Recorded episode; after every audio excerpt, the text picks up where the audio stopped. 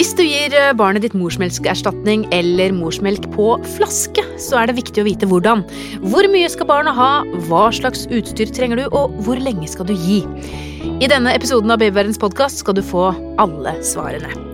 Jeg heter Karine Næss Frafjord og er redaktør i Babyverden. Og vi har fått besøk av klinisk ernæringsfysiolog Kristine Gørbitz, som jobber på barne- og ungdomsklinikken på Akershus universitetssykehus Ahus. Velkommen! Takk for det. Det er jo sånn at uh, det er ikke alle som uh, ammer. Nei, det er ikke det. Og selv om man gjør det, så er det kanskje greit å ha et alternativ i den flasken mm. innimellom. Mm. Um, hva tenker du rundt det i forhold til flaskemating? Uh, det har jo ofte vært stigmatisert. Det er veldig lite informasjon om det, er den beskjeden vi får mm. på babyverden. hvorfor er det sånn? Jeg tenker jo at flaske ofte kan være et godt alternativ. Enten som et tillegg til eh, morsmelken. Og for noen da som den eneste ernæringen barnet får, fordi kanskje mor ikke kan amme, ikke vil amme, og det kan være ulike grunner til at mor, eh, mor ikke kan, kan gi barnet direkte fra brystet. Mm. Uh, og så, Vi har jo laget et eget uh, program også rundt dette med, med ernæring og, og, amming, og at det er mm. helt ok, det er veldig bra også, disse produktene på, på morsmelkeerstatning. Mm. Uh, men jeg tenker at når man skal gi barnet mat fra flaske, så mm. regulerer det seg kanskje ikke selv sånn som det gjør på puppen. At Nei. man må tenke litt i forhold til mengde. Mm. Hva er det viktigste man bør tenke på når man sitter med et barn som skal mates fra flaske? Mm.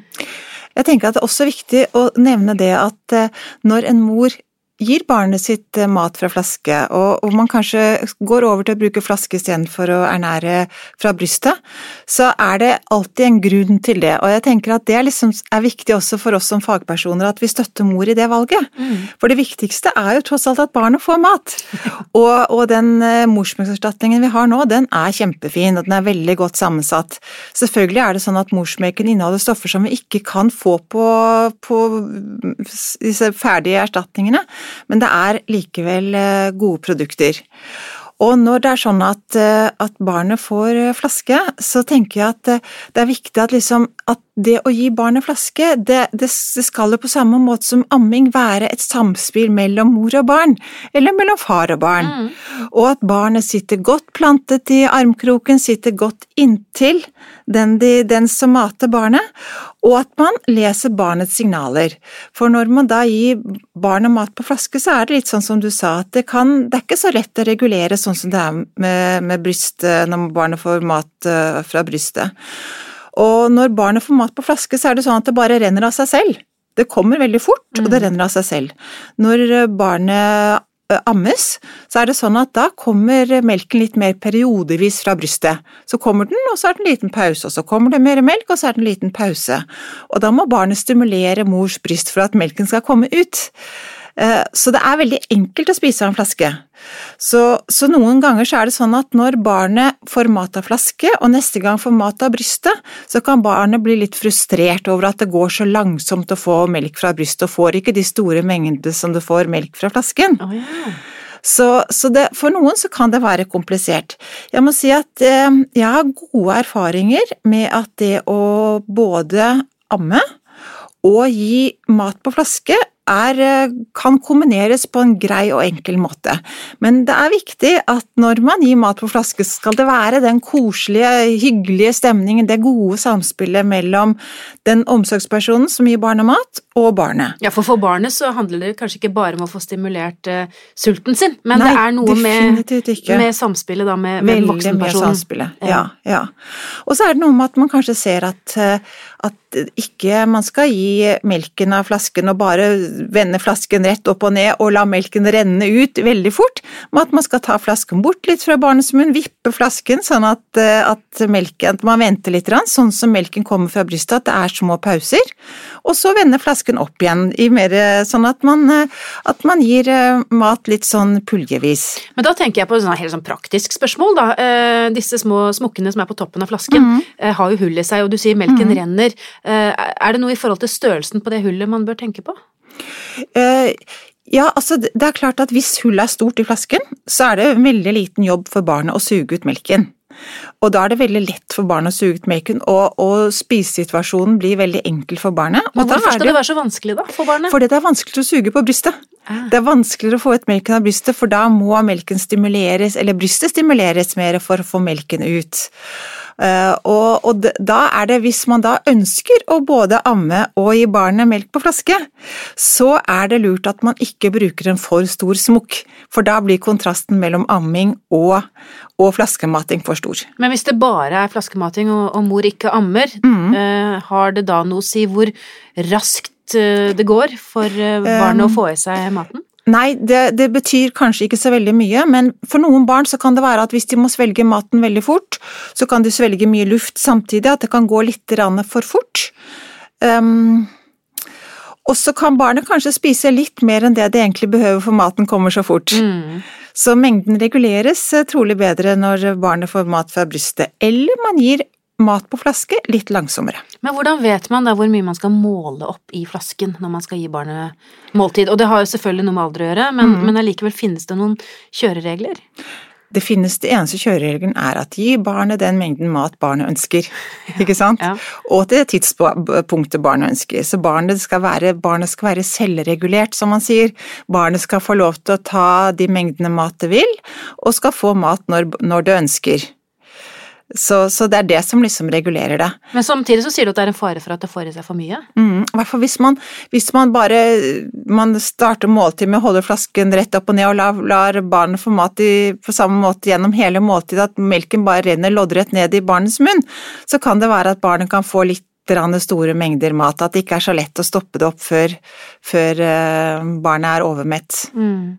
Og så er det vel sånn at det er i enkelte perioder at barnet trenger mer mat. Altså det, jeg vet ikke om man kaller det økedager lenger, mm. Eh, men, mm. men, men at man på en måte kanskje er observant på det også. Mm. Ja, det er jo disse økedagene. Eh, Så det er jo dager hvor barnet da plutselig trenger litt mer mat, og vi ser jo at, at et barn spiser veldig varierende mengder fra dag til dag. Så det kan jo gjøre at man som foreldre også kan bli litt frustrert, for man ser at oi, i dag tok barnet bare 50 milliliter, men i går tok hun 180. Hvorfor det? Og sånn er virkeligheten. Mm. Det er, det er bare at man ser det så mye tydeligere når barnet får mat av flaske. Mm. At, um, at nå tar barnet så mye mindre enn det det gjorde i går, og er det noe galt i dag? Hvorfor er barnet sykt? Hvorfor spiser ikke barnet mer i dag? Men det er bare sånn variasjonen er. Det er veldig store variasjoner i hvor mye mat barnet spiser fra dag til dag. Praktisk spørsmål igjen, da, når du Mm. sier det. Har man oversikt over hvor mye barnet spiser? Bør man skrive det ned noe sted, eller bør man ha et slags eh, system i det? Eh, Man har jo ikke noe system eller oversikt når man eh, gir barnet Når, man, når barnet dier, så har man jo ingen oversikt over hvor mye barnet får. Nei. Så jeg syns ikke man skal ha fokus på volumet. Jeg syns det er viktigere å ha fokus på at man har en, en, et godt samspill og en hyggelig setting rundt måltidet, og at barnet får spise til det er mett. Vi skal snakke mer eh, med deg om dette å gi melk på flaske, enten det er morsmelkerstatning eller eh, egen morsmelk, men eh, vi tar en aldri så liten pause først. Visste du at tidlig høytlesning, helt fra barnet er nyfødt, pangstarter språklæringen? Barn og babyer som blir lest for, utvikler språk og hjerne på en annen måte enn barn som ikke blir lest for. Godboken er bokklubben som tilbyr barnet ditt riktig bok til riktig tid, som engasjerer og bidrar til språkutviklingen. Se første bokpakke til barnet ditt på godboken.no. Flaskemating er tema i denne episoden av Babyverdens podkast. Vi har med oss eh, klinisk ernæringsfysiolog Kristine Gørbitz. Um, og vi har snakket om at man kan jo selvfølgelig gi morsmelk på flaske, men det mest vanlige er kanskje flaskebarn som da får morsmelkerstatning. Og så sier du at disse erstatningsproduktene er kjempegode. Mm. Veldig godt alternativer til morsmelk, ja. Men det er jo flere typer på markedet. Er det noe spesielt man skal se etter når man velger? Det er eh, flere typer morsmelkerstatning på markedet, og det er eh, det som er de to hovedforskjellene, får man si. Det er eh, morsmelkerstatning som inneholder melkeprotein, for de barna som ikke har en melkeallergi, som er den desidert største gruppen, og så er det morsmelkerstatning som ikke inneholder melkeprotein. Fordi man vet at 2-3% av alle spedbarn har en melkeproteinallergi. Og når de har en melkeproteinallergi, så skal de ikke ha melkeprotein i melken sin. Og da finnes det ulike typer erstatninger som ikke inneholder melkeprotein.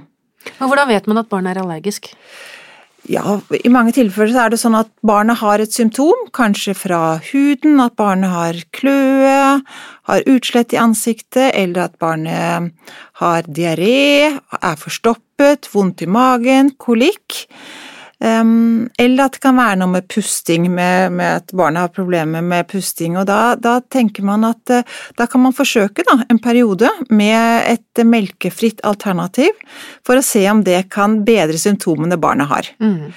Og da tenker man at da kan man gjøre det i to til tre til fire uker, og se om barnet, barnets symptomer bedres.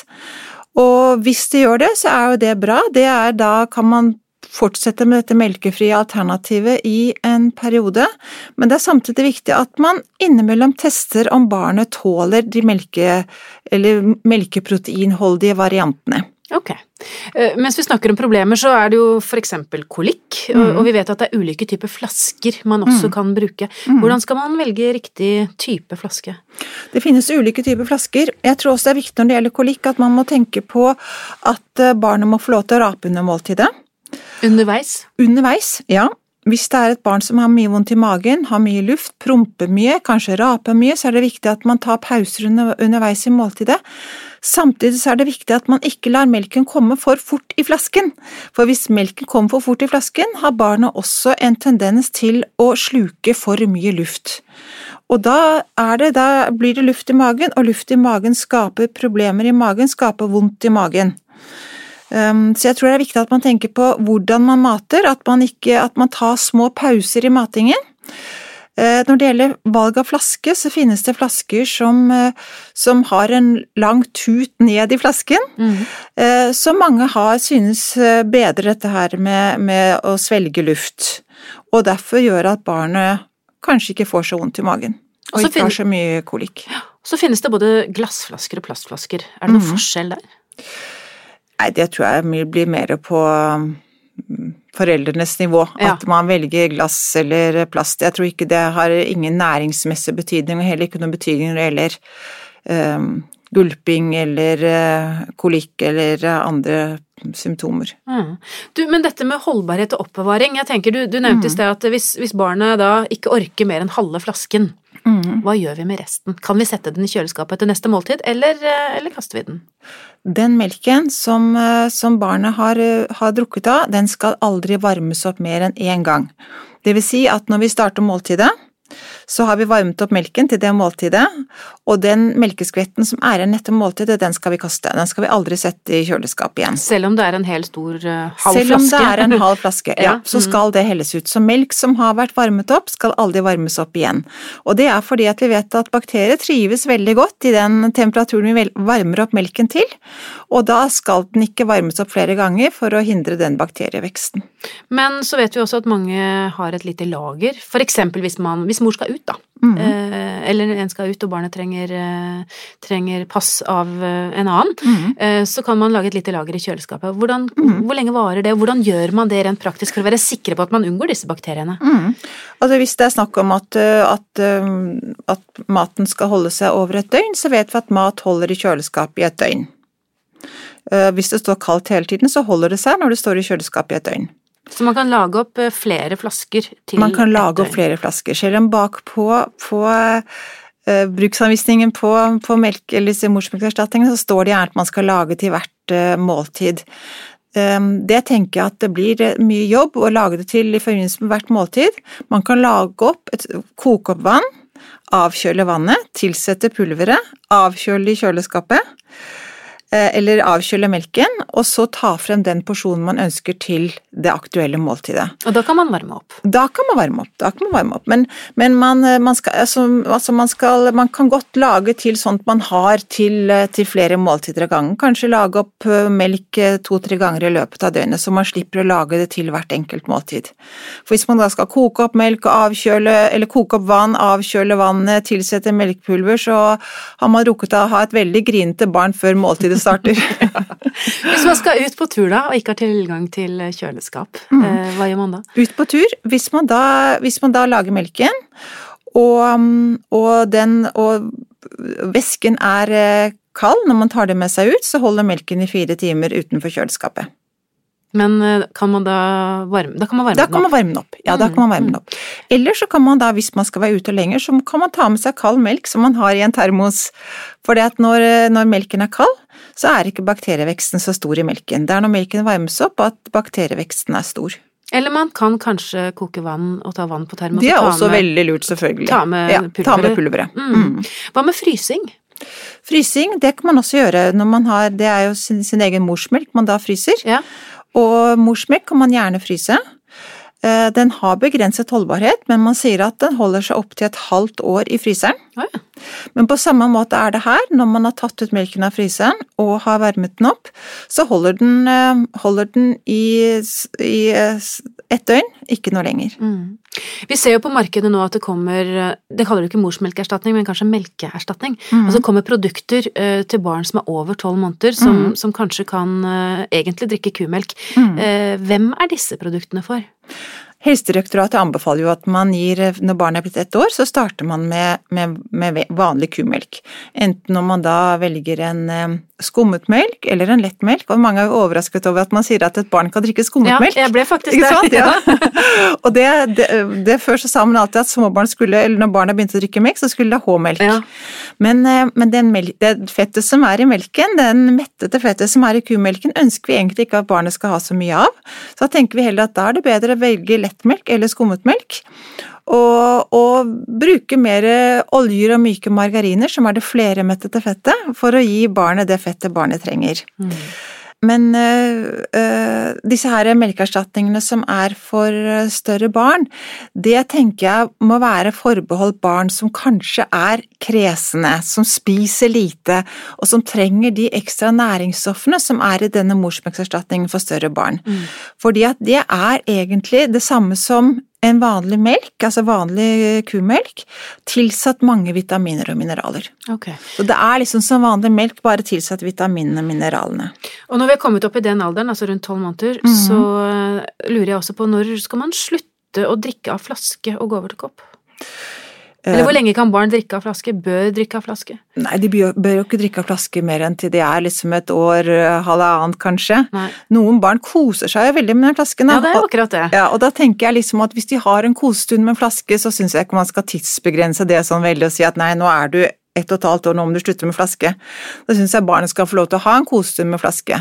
Men vi vet jo samtidig at barn kan jo lære seg å drikke av kopp lenge før de er et år.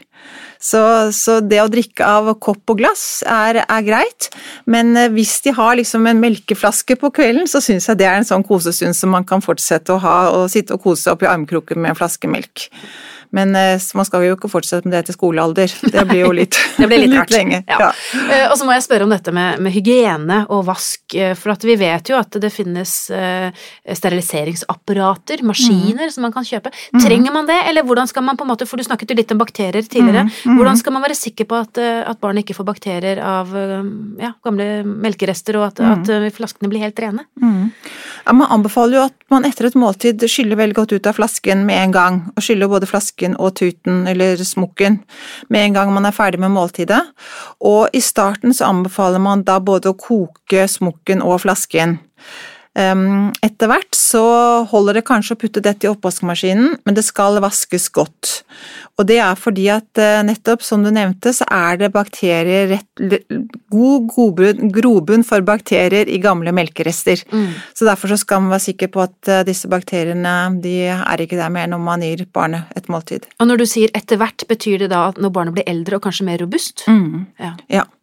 Og det er jo ikke sånn at man, man må koke vann og sånt til barn i evig fremtid, men i starten så skal man jo koke vannet til melken, og man skal koke, så man skal være mye mer nøye med bakterievekst i starten for et barn. Men dette med varmt vann fra springen, Mm. Det Det skal- skal, man ikke bruke. det skal man Nei. ikke bruke. Hvorfor ikke det? kaldt- Nei, fordi at uh, varmt vann fra springen det kommer fra varmtvannskolben, og det kan være bakterier i varmtvannskolben. Så derfor så skal man ta det kalde vannet. Gode tips fra deg, altså. Tusen takk skal du ha, Kristine Gørbitz, som altså er, eh, er klinisk ernæringsfysiolog, og som jobber på barne- og ungdomsklinikken på Akershus eh, universitetssykehus. Hvis du lurer på mer om dette temaet, finner du mange artikler på babyverden.no, og diskusjoner med andre foreldre i Babyverdens forum. Hvis du ikke allerede har lastet ned appen vår Gravid og barn, så anbefaler jeg deg å gjøre det med en gang. Så kan du følge utviklingen til barnet ditt tett, dag for dag, uke for uke. Hvis du er opptatt av graviditet og barn, så kan det også være lurt å abonnere på Babyverdens podkast. Send gjerne kommentarer til oss på e-post. Adressen er podkast at babyverden.no.